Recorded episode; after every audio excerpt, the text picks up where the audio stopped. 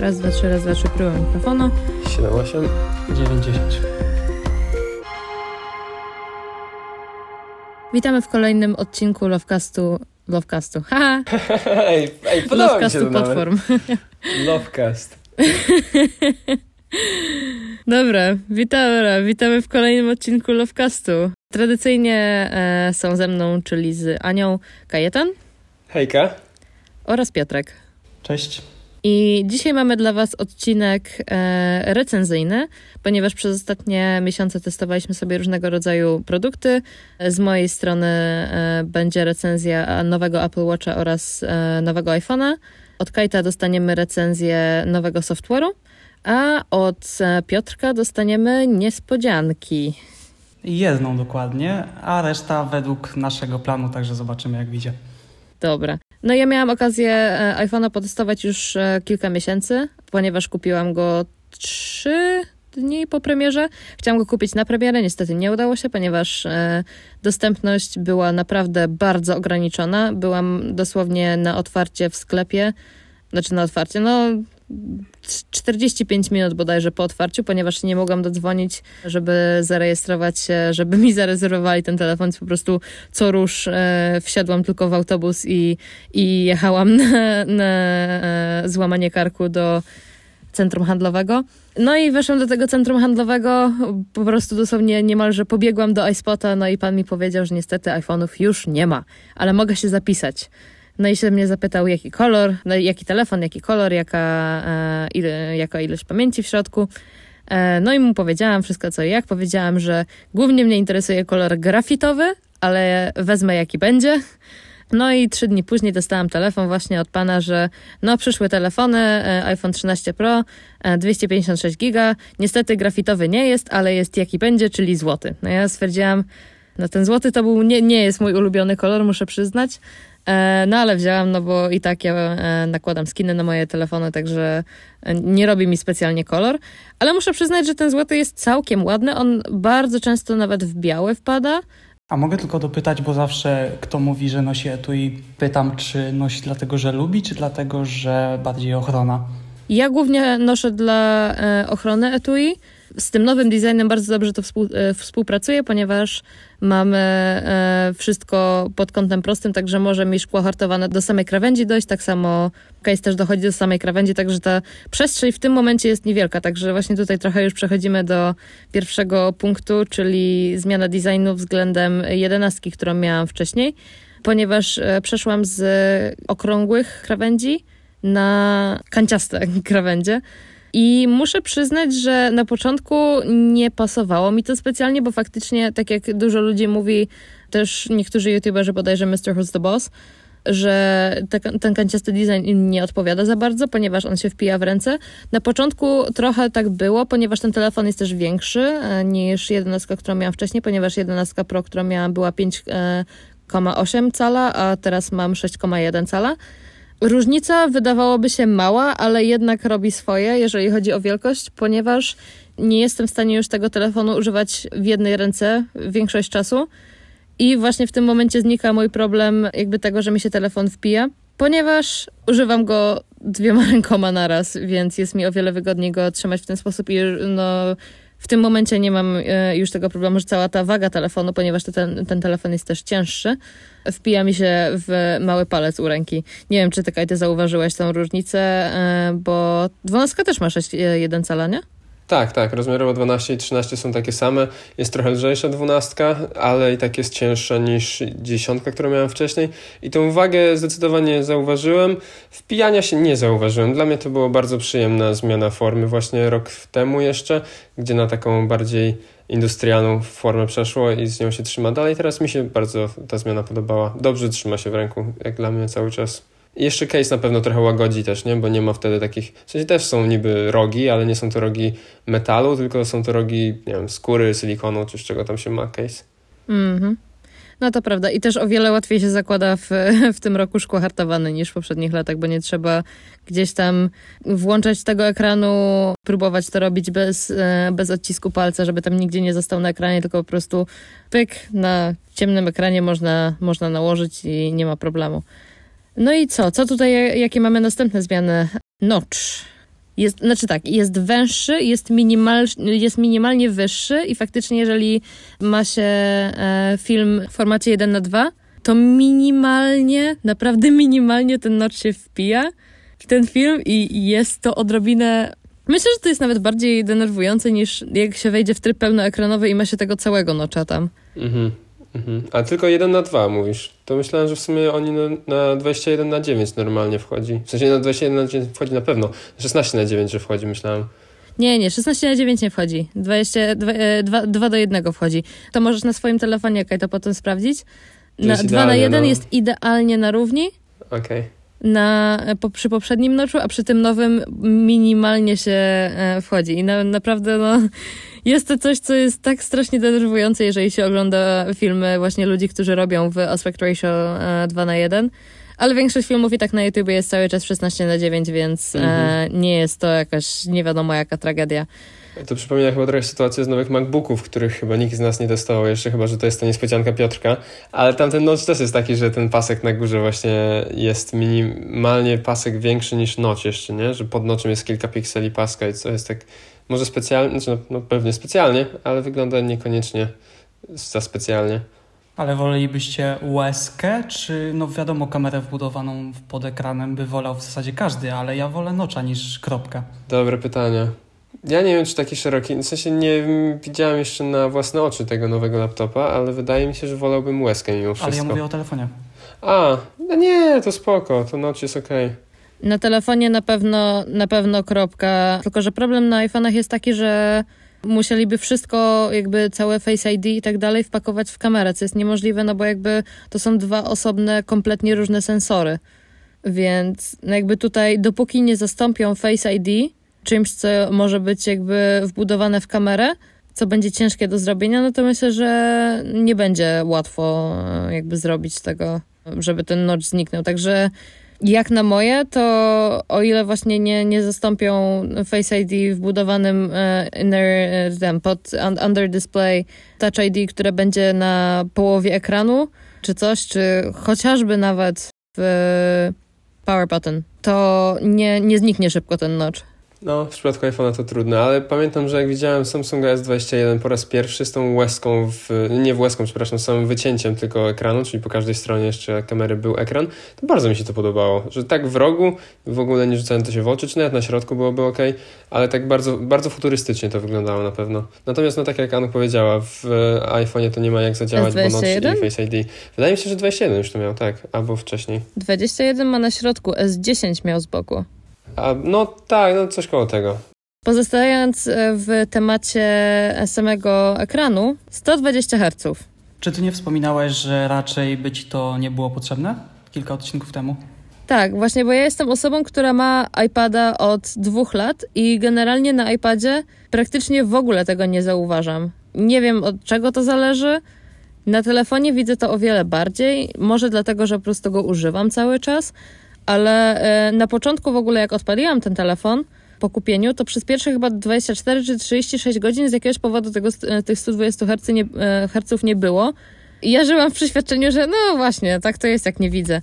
A potem jak mi nagle wskoczyło to 120 Hz z jakiegoś powodu, to miał takie wow. Czy byłabyś w stanie wrócić do telefonu teraz z 60 Hz? Myślę, myślę, że byłoby ciężko. Pamiętam, że jak już się przesiadłam z szóstki na jedenastkę, i potem spojrzałam sobie na szóstkę, jaka ona po prostu była choppy. Że te 60 Hz na szóstce, a 60 Hz na 11 były tak kompletnie inne. No właśnie. I tak samo mam teraz, jak właśnie biorę e, czyjś inny telefon do ręki i widzę te 60 Hz, naprawdę jest takie, kurczę, no ciężko by było wrócić w tym momencie. Także jeżeli komuś bardzo zależy i jest na 10S albo 11, 11 Pro, to myślę, że warto zrobić ten upgrade. Jeżeli na 12, to powiedzmy, darujcie sobie i, i zróbcie może w przyszłym roku dopiero upgrade. Ale e, z dziesiątki S e, myślę, że bardzo substantial e, upgrade. Tak, mój znajomy się przesiadł właśnie z dziesiątki S na 13 Pro i jest w niebo wzięty po prostu i nie wyobraża sobie, jak mógł rozważać w ogóle, czy przesiąść się, czy nie. Tylko, że najlepsza decyzja, jaką mógł podjąć.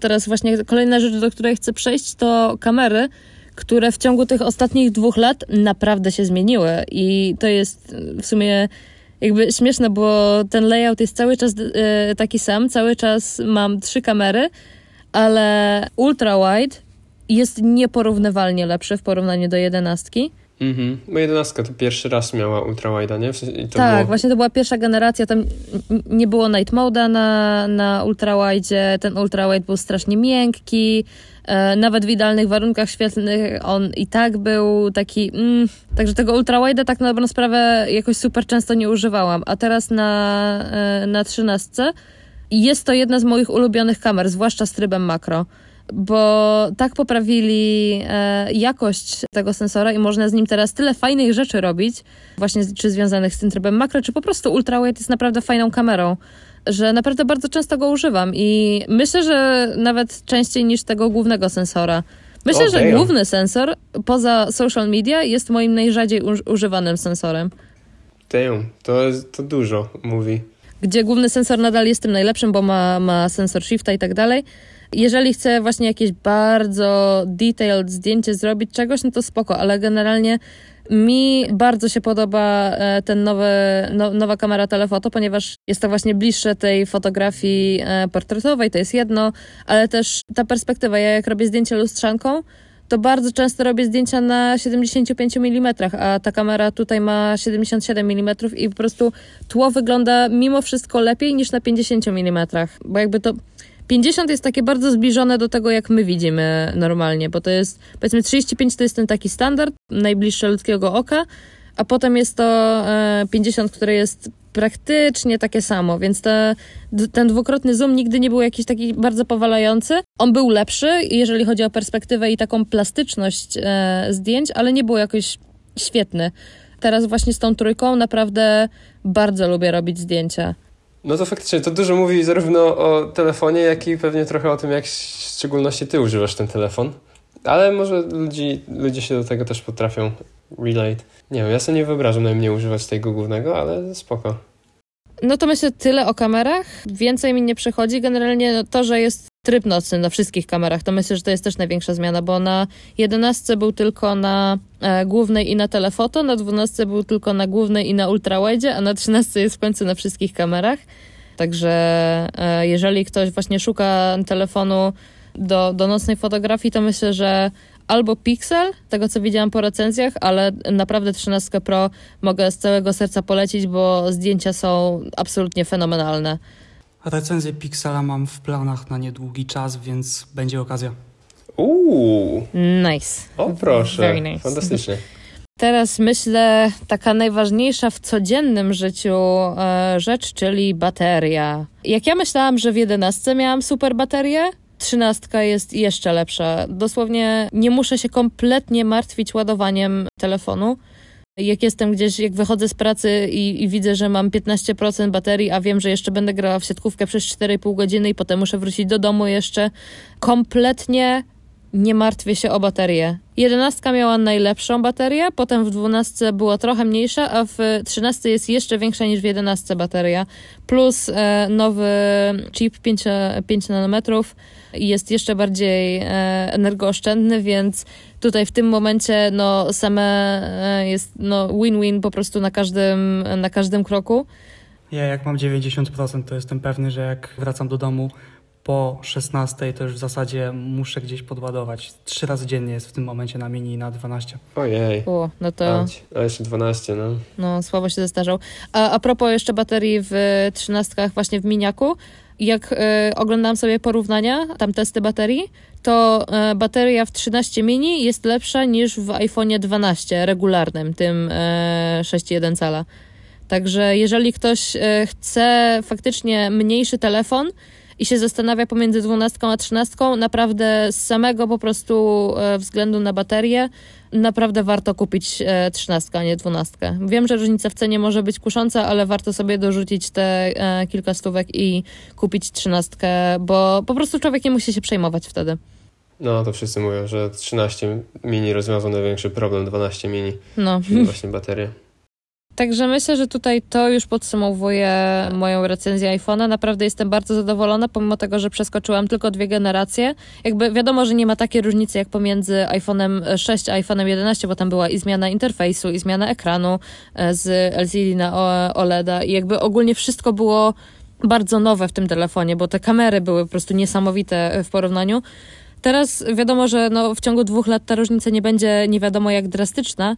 I tak myślę, że różnica jest na tyle duża, że e, ludzie, którzy mają 11 Pro, jeżeli faktycznie zależy im bardzo na trybie nocnym i ogólnie lepszym ultrawide, to myślę, że naprawdę warto, warto zrobić upgrade. A podobno Apple się nie zmienia zupełnie co roku to samo. Mhm, a tu co dwa lata już warto widzieć telefon zmieniać. Także piękne czasy.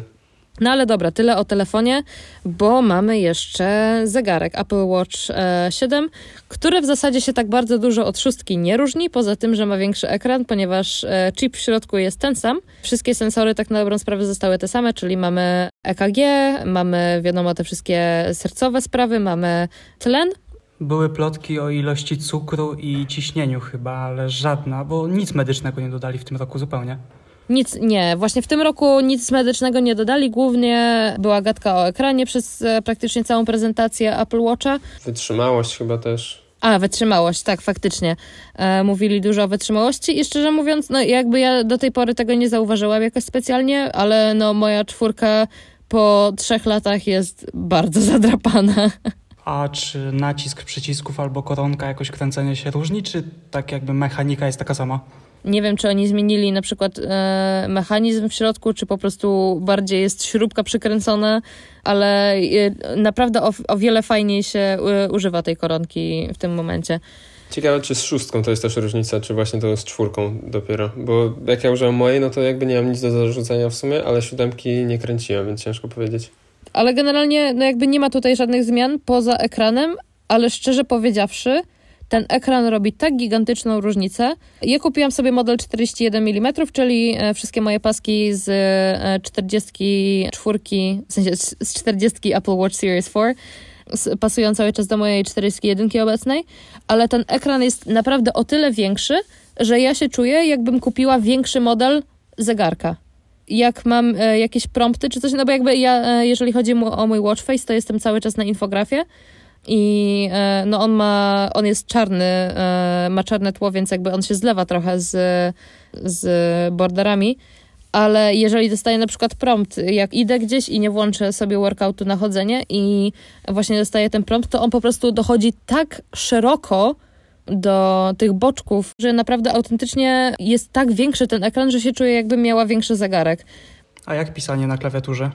Ta klawiatura pełnoekranowa jest o wiele bardziej wygodna niż pisanie po jednej literce. Naprawdę e, po prostu tak przyspiesza to e, pisanie, bo często mam tak, że chcę coś komuś odpisać, bo mój telefon jest tam gdzie, gdzieś leży. Na przykład e, dzisiaj pracy zostawiłam telefon na biurku, a ktoś tam coś do mnie napisał, chciałam odpisać szybko, to mogłam napisać całe zdanie w ciągu tam e, parunastu, parunastu sekund, a nie jak w poprzednim zegarku, że musiałam każdą literkę po kolei narysować, poczekać aż ona się pojawi, dopiero następną narysować, poczekać aż ona się pojawi. I po prostu bardzo długi był ten proces i bardzo nieprzyjemny, a teraz z tą klawiaturą, no wiadomo, że tam czasami się coś źle kliknie, no bo to jest malutki ekran i, i duże palce, ale myślę, że oni bardzo dobrze zrobili tą klawiaturę, ponieważ autentycznie czuję się, y, czuję, że to jest coś, czego będę bardzo dużo używać. Ale ma autokorektę?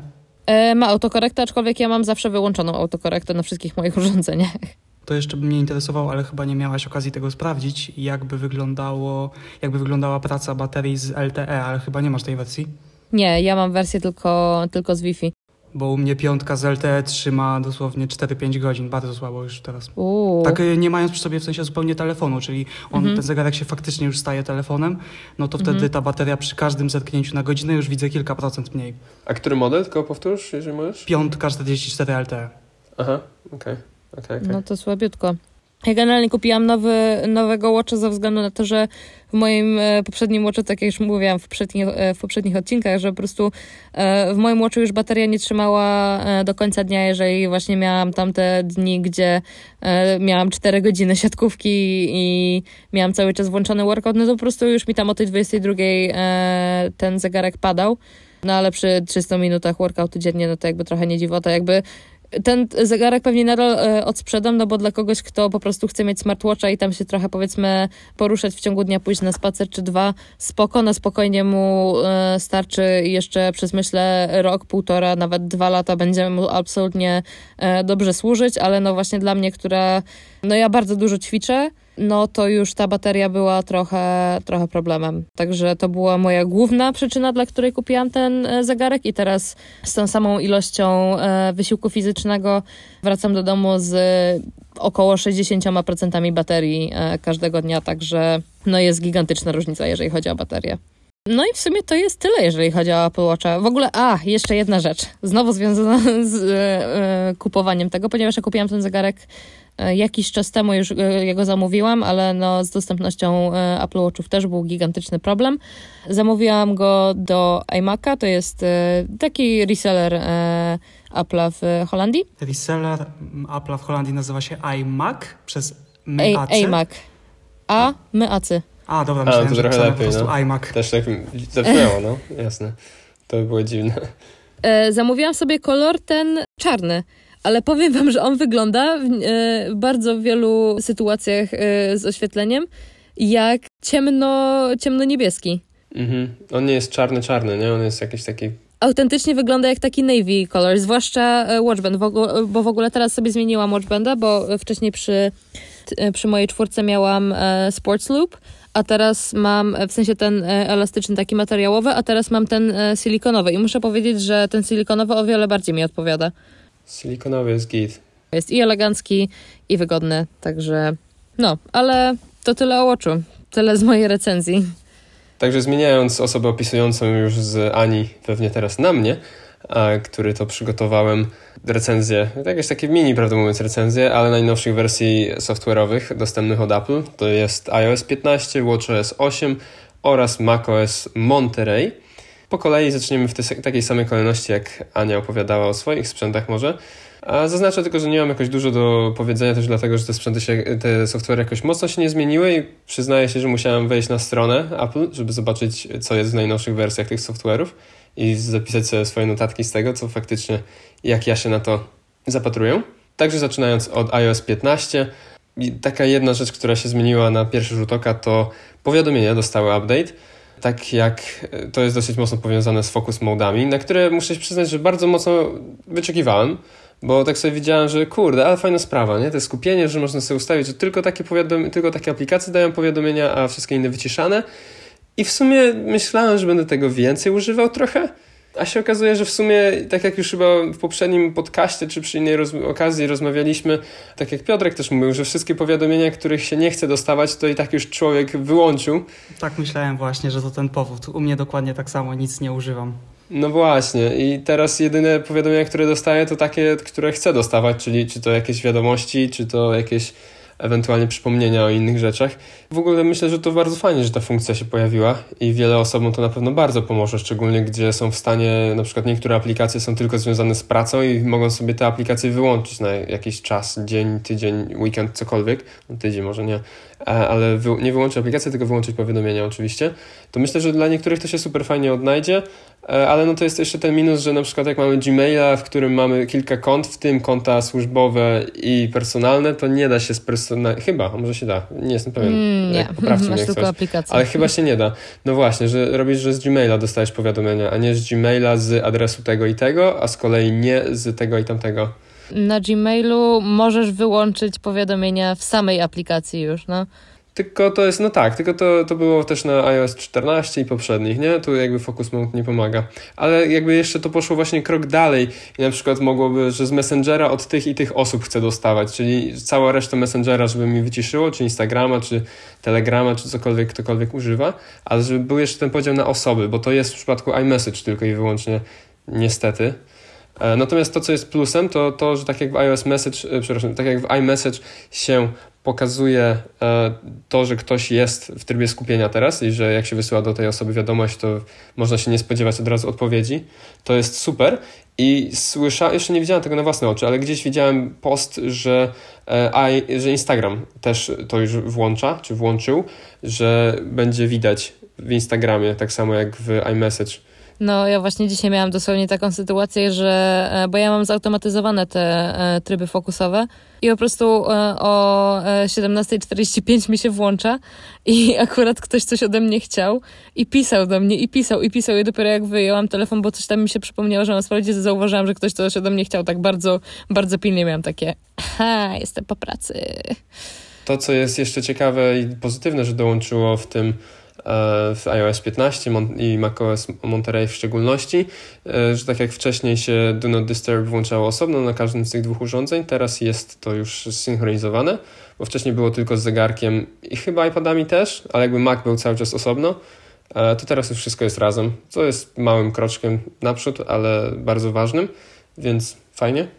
I jeżeli chodzi jeszcze o powiadomienia z iOS 15, to chciałem tylko się przyczepić do jednej rzeczy, że teraz jak przychodzi kilka powiadomień z jednej aplikacji i kiedy one jakby są tak pod sobą, to ciężko jest rozróżnić, czy tam jest jedno powiadomienie z tej aplikacji, czy, czy wiele, tak patrząc szczególnie, może nie przyglądając się, bo jest taki tylko drobny zarys tej aplikacji na dole, a kiedyś to było jakoś wyraźnie, mam wrażenie. E, natomiast to, co odczuwam jeszcze mocniej, to jest to, że kiedyś można było powiadomienia swipe'ować, żeby je otworzyć, a teraz trzeba je klikać, nie da się swipeować i to jest smutne dla mnie, bo już to było chyba ostatnia pozostałość po swipe to unlock no. i już jej nie ma. Kiedyś wróci jak MagSafe. Kurczę, MacBook w tym roku zrobił powrót, ale to do tego jeszcze, jeszcze kiedyś. Tak, dokładnie. E, ostatnia rzecz z powiadomień. Ja chciałbym być w stanie coś powiedzieć o tym summary, które doszło w iOS 15, ale totalnie tego nie używam i nie mam zielonego pojęcia. Słyszałem, że niektórym się sprawdza, więc spoko dla tych osób. Ja nie używam, no bo tak jak mówię, fokusów już aż tak nie używałem i nie mam powiadomień, których nie chcę mieć, więc nie było mi to potrzebne za bardzo. Nie wiem, czy ktoś z Was może z Summary jakoś bardziej korzystał, to może coś więcej powiedzieć? Mm, nie. Mm, ja nie. No to wszystko jasne. Okej, okay, no to, to, to w sumie podsumowuje temat powiadomień, natomiast w iOS zmieniło się parę jeszcze innych um, małych rzeczy, znowu wypisanych ze strony internetowej Apple, bo inaczej bym nie pamiętał ale zmieniło się na przykład Safari, co się dosyć mocno zmieniło. Można to wyłączyć, ale jeżeli zostać przy tych nowych opcjach, przy których tak myślałem, e, przy, ja jeżeli zostać przy tych nowych opcjach, tak jak Anuk i tak jak ja zostałem również, to teraz mamy na dole okno, jak to się nazywa, okno wyszukiwarki, mm, takie okienko. To mi się to podoba, bo wtedy zazwyczaj czyta się najwyższą część strony raczej, więc w sumie fajnie, że tam jest więcej miejsca.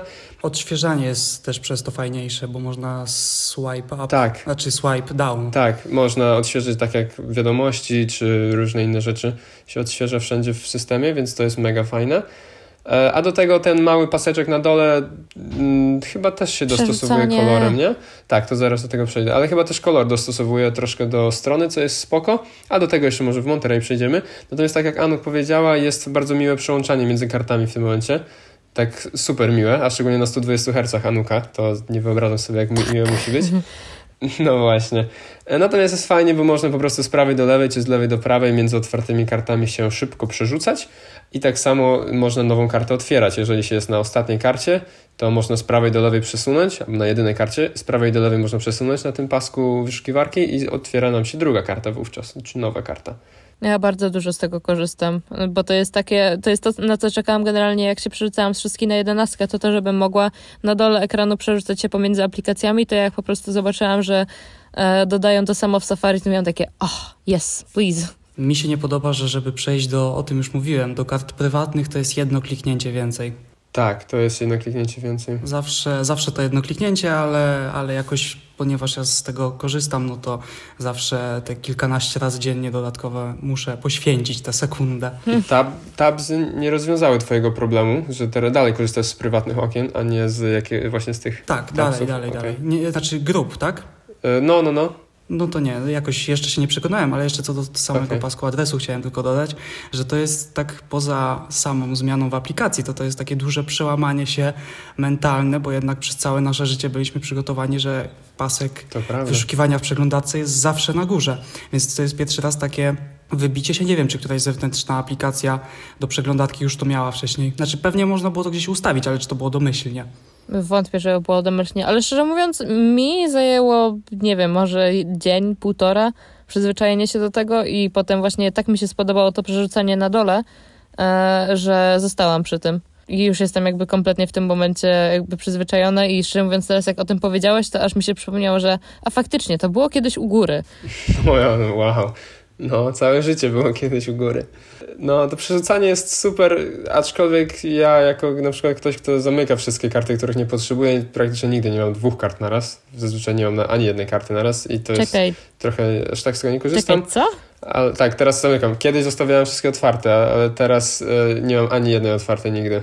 Właśnie dosłownie się zastanawiałam, czy to byłeś ty, który, który zostawiał 300 kart otwartych.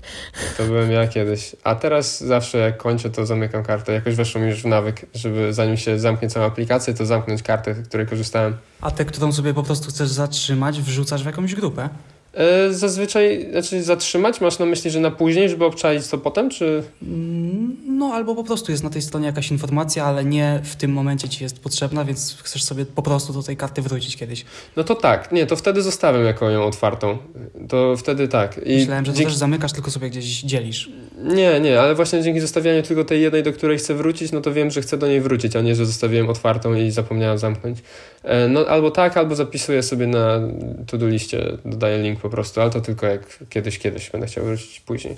Ale to faktycznie mi też się zdarza dość często trafić na kartę otwartą kilka miesięcy temu. O, ciekawa informacja, szkoda, że nie wiedziałem o tym miesiąc temu na przykład, bo wszystko zostaje. no, to jest tricky trochę. Ale też ładnie wygląda teraz, jak e, to okienko wielu kart naraz, trochę czytelniej widać, co jest na której karcie. No, ale znowu, to trzeba mieć więcej kart otwartych naraz, żeby z tego korzystać. Niemniej, to tyle z tematu Safari. Wydaje mi się, w iOS 15 mam jeszcze dwie rzeczy, które się za lekko zmieniły. W tym zdjęcia dostały update. I tutaj mam i coś na plus i coś na minus. Znaczy, głównie na plus, no, no spoko są te update'y. Przede wszystkim live text doszło do zdjęć, czyli jeszcze nie udało mi się z tego skorzystać, że zrobiłem, znaczy może coś robiłem, ale nie tak, że o fajnie, nie, nie miałem takiego przybłysku, że super, że jest live text. Właśnie wszyscy mówili o tym mitycznym przypadku, gdzie idziesz ulicą i robisz zdjęcie jakiejś wizytówki czy czegokolwiek fryzjera i no właśnie... numer. No takie sytuacje się nie zdarzają zazwyczaj. Nigdy jeszcze tak nie miałem właśnie niestety. Jedyne kiedy użyłem live tekstu to kiedy chcę przybliżyć zdjęcie klikając dwa razy na nie, a nagle się live text odpala, bo okazuje się, że on znalazł tam jakiś tekst. Dokładnie, to jest, to jest bardzo przeszkadzające. Tak, to jest... To ja na przykład um, live tekstu używam dosyć często, z tego względu, że u nas w firmie jest taka tradycja, która się nazywa Fast Food Friday i zazwyczaj jak coś jest, jak się postuje e, menu danej e, restauracji czy czegoś, to nie ma, nie postują linku, tylko postują po prostu dwa zdjęcia menu, żeby nie trzeba było gdzieś tam się wchodzić i, i, i szukać. Tylko, że dla mnie, jako dla osoby, która nie mówi jeszcze płynnie po holendersku, jak widzę e, składniki danego dania, no to nie mam często pojęcia, czym one są. Chociaż w sumie jedzenie to akurat jest najłatwiejsza rzecz do nauczenia się, ale po prostu w, te, e, w takim przypadku pobieram e, jakby po te zdjęcia na naszym czacie, one tak jakby działają praktycznie tak samo jak zdjęcia w galerii, więc mogę sobie na nie też kliknąć i e, zebrać ten tekst i wrzucamy sobie po prostu tylko w translatora i pyk, także nie muszę pobierać tego zdjęcia do galerii, nie muszę jego uploadować potem do translatora, tylko może, mogę sobie po prostu skopiować tekst i go wrzucić. Ja jestem pewien, że to jest czasem przydatna rzecz, tylko właśnie do tej pory nie udało mi się tego doświadczyć, ale takie przypadki, o których ty mówisz, to no, pokazują, że dobrze, że taka funkcja do, dołączyła do iOS. A druga rzecz, co chciałem powiedzieć ze zdjęcia jeszcze, która się zmieniła, coś mega na plus, to, że jak się na zdjęciu teraz przejedzie palcem z dołu do góry, to pokazuje nam się dużo informacji o zdjęciu, czyli jaką, jakim telefonem czy jakim aparatem było zrobione, e, z jakimi ustawieniami tego aparatu, jak również nazwa pliku, co też się czasem zdarza, że jest super przydatne. E, no i w ogóle ta, ta funkcja jest mega miło, miło, mega mile widziana, dobrze zaimplementowana, całkiem jedyne co to nie podoba mi się, że serduszko już nie jest na środku. Chociaż to ciekawe ze strony Apple'a, bo oni zazwyczaj nie lubią, znaczy nie lubią. Chyba rzadko się tak zdarza, żeby takie bardzo insiderskie rzeczy były aż tak blisko dostępne. I to one są naprawdę insiderskie, bo ja mam zdjęcia z mojego kanona też na e, telefonie, które były obrobione e, i przerzucone przez dysk Google i tak dalej. I ja nadal mam wszystkie informacje, jeżeli chodzi o e, właśnie typ kamery, jaka była ogniskowa, ISO i tak dalej, więc to jest dla mnie niesamowite, że te wszystkie informacje cały czas po tylu jakby różnych miejscach zostały i jeszcze jest je iOS w stanie odczytać. No, także potężna jest ta funkcja, trzeba przyznać. Jedyne co następne mam na liście z iOS 15 to coś, co doszło i nazywa się iCloud Plus. co w sumie nie zauważyłem, żeby cokolwiek się zmieniło w tym, jak używam telefonu, ale włączyłem to i myślę, że to jest plus, że nic nie zauważyłem, bo z tego, jak to rozumiem i z tego, jak zakładam, to w tle zabezpiecza mnie trochę jeszcze lepiej z, z działalności przez internet. Także na, na plus, iCloud Plus. Z tego, co wiem, to trwa teraz sprawa, no chyba, że już się zakończyła, ale z ze skanowaniem i Było, tak. sczytywaniem zdjęć, zdjęć iClouda. synchronizowanych tak z iCloudem. Na razie chodzi tylko o child safe. Mamy nadzieję i wszyscy mają, że nie będzie to wykorzystywane praktycznie do, czego, do czegokolwiek innego. Tylko ma to być tylko bezpieczeństwo, a nie jakiekolwiek sczytywanie naszych zdjęć, ale wątpię, było to jednak Apple mimo wszystko. No, ale to i tak było tyle dziwne, że to właśnie Apple a, taki ruch wykonało, że szczytuje zdjęcia. Tak, gdzie oni właśnie przecież y, nieraz lądowali w prasie ze względu na to, że nie chcieli jakiegoś y, telefonu, iPhone'a, jakiegoś kryminalisty y, odblokować dla FBI, a tutaj nagle, nagle zdjęcia skanują z, z wszystkich iCloudów.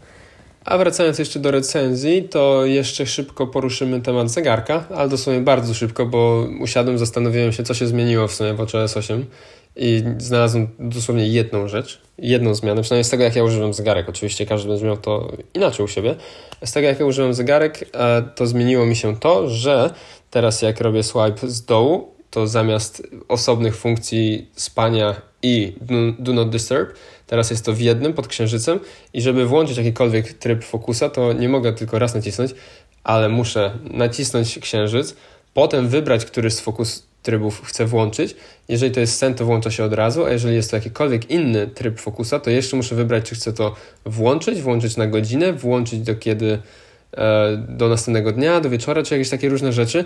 Zamiast jednego kliknięcia teraz, że idę spać, zrobiły się dwa czy trzy i tak samo zamiast jednego czy dwóch kliknięć, że włączam tryb nie przeszkadzać, zrobiły się znowu dwa, trzy czy cztery. I to mi się bardzo nie podoba, bo wydaje mi się, że Watch, który ma taką funkcjonalność, byłoby bardzo dobrze mógł sobie tutaj wykorzystać to, że na przykład długie przytrzymanie, czy mocne przytrzymanie by przechodziło do tych dodatkowych funkcji, a takie lekkie dotknięcie po prostu to by włączało tą funkcję od razu, bez pytań. Tylko no, chcesz włączyć, to włącz, a nie jak chcesz włączyć na jak długo.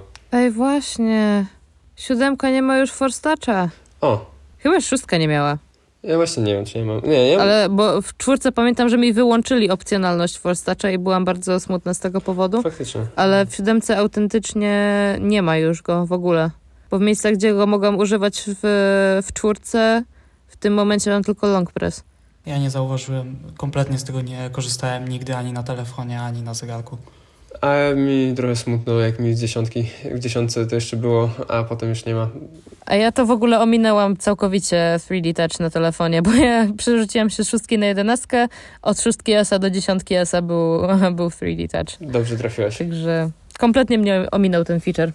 Tak, e, no i tyle o, zegarku. Nic więcej nie chcę już dodać, bo nie wydaje mi się, żeby się zmieniło. Jeżeli komuś się zmieniło, to, to fajnie, mam nadzieję, że na dobre. Przechodząc do macOSa Monterey, tutaj również musiałem się dobrze podrapać w głowę, co się zmieniło, ale w sumie parę rzeczy się zmieniło.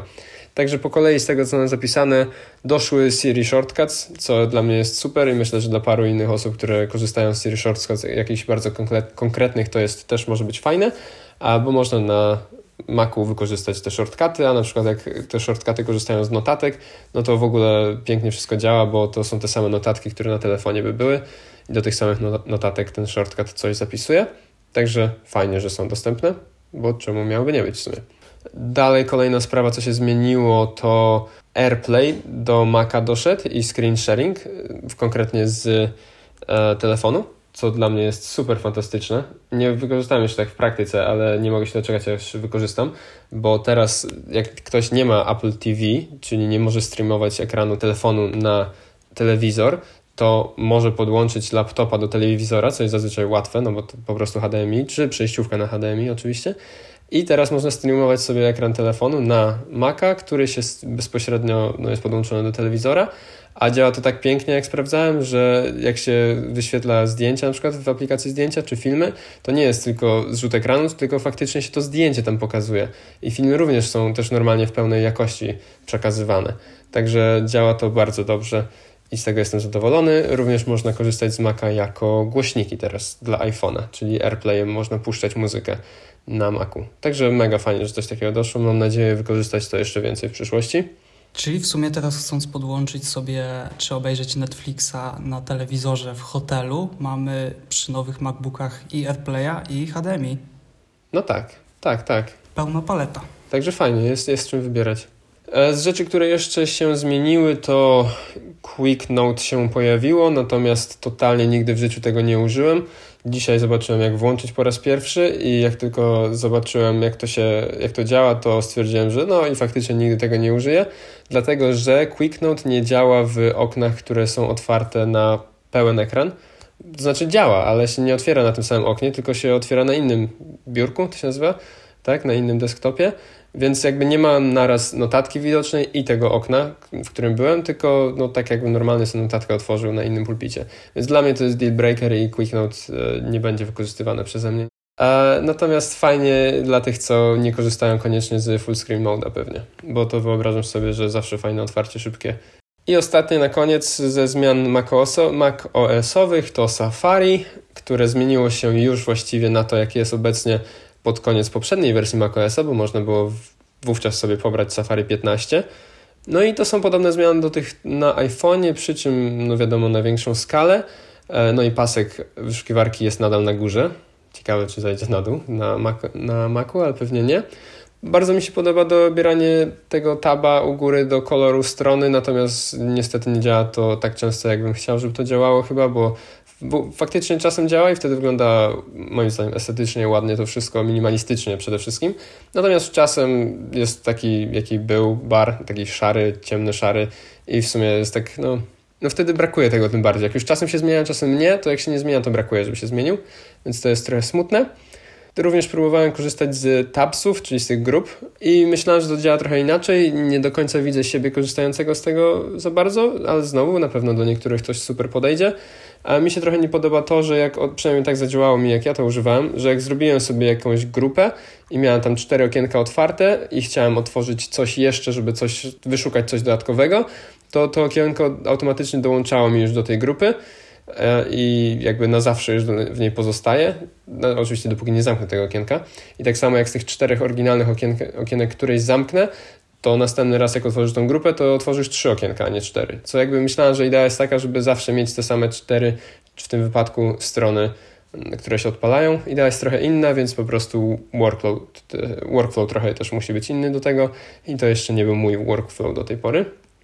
Natomiast Safari ma jeden duży minus, który chwilami mnie przekonuje, żeby, się, żeby przestać korzystać z niego do tego stopnia nawet, bo wpisując jakieś rzeczy, wyszukując cokolwiek praktycznie, ale najczęściej coś, co w Google się wyszukuje, to czasem z 10 czy kilkanaście sekund trzeba, trzeba czekać, zanim to się odpali. Po prostu stron, pasek ładowania stoi w miejscu, się nie rusza. Nie wiem, czy to jest tylko u mnie, ale z tego, co czytałem, chyba nie. No, wyszukanie czegoś w Google zawsze jest proste, nie? No to, to nie jest tak, że to jest trudna, ciężka strona do załadowania, tylko no to jest pierwsza strona wyszukiwania Google do odpalenia. Natomiast Safari po prostu czasem zamula. Czasem również z adresami nie googlowymi zamula, więc to jest dziwny problem i o tyle straszny, że jak ktoś chce coś szybko sprawdzić, albo jest we flow i tylko potrzebuje jakąś jedną informację znaleźć i nagle czeka kilkanaście sekund, żeby to się załadowało, no to totalnie wytrąca człowieka z tego flow. I to jest mega nieprzyjemne. A ile szuka, jeżeli wpiszesz jakąś frazę w Finderze, znaczy nie w Finderze, tylko w Spotlightie i klikniesz wyszukaj przez internet? Nie, no to jakby nie, nie próbowałem tak, ale też mi chodzi, nie za każdym razem jak coś wyszukuję w Safari, to tak długo ładuję, bo tak to już bym przestał używać na pewno. Tylko co kilkanaście razy, czy co kilkadziesiąt wyszukań, czasem może co kilka, czasem częściej, to zamula i nie wyszukuję od razu. I nie za bardzo wiem dlaczego, ale wydaje mi się, że jak googlowałem ten problem, to nie byłem jedyny, który go miał, więc czekam grzecznie na aktualizację i dopóki aż tak mi nie przeszkadza, będę korzystał na Macu dalej z Safari. Opcjonalnie mówiłeś chyba ostatnio, że masz Firefoxa. Tak, mam Firefoxa i Firefoxa, z Firefoxa jestem zadowolony, polecam Firefoxa. I tym samym to podsumowuję moją a, taką mini recenzję powiedzmy tych trzech software'ów. Tu Piotrek z przyszłości. Po nagraniu okazało się, że znowu wyszło nam więcej surówki niż zakładaliśmy, więc zdecydowaliśmy, że to będzie koniec pierwszej części odcinka, a na drugą zapraszamy klasycznie za kilka dni.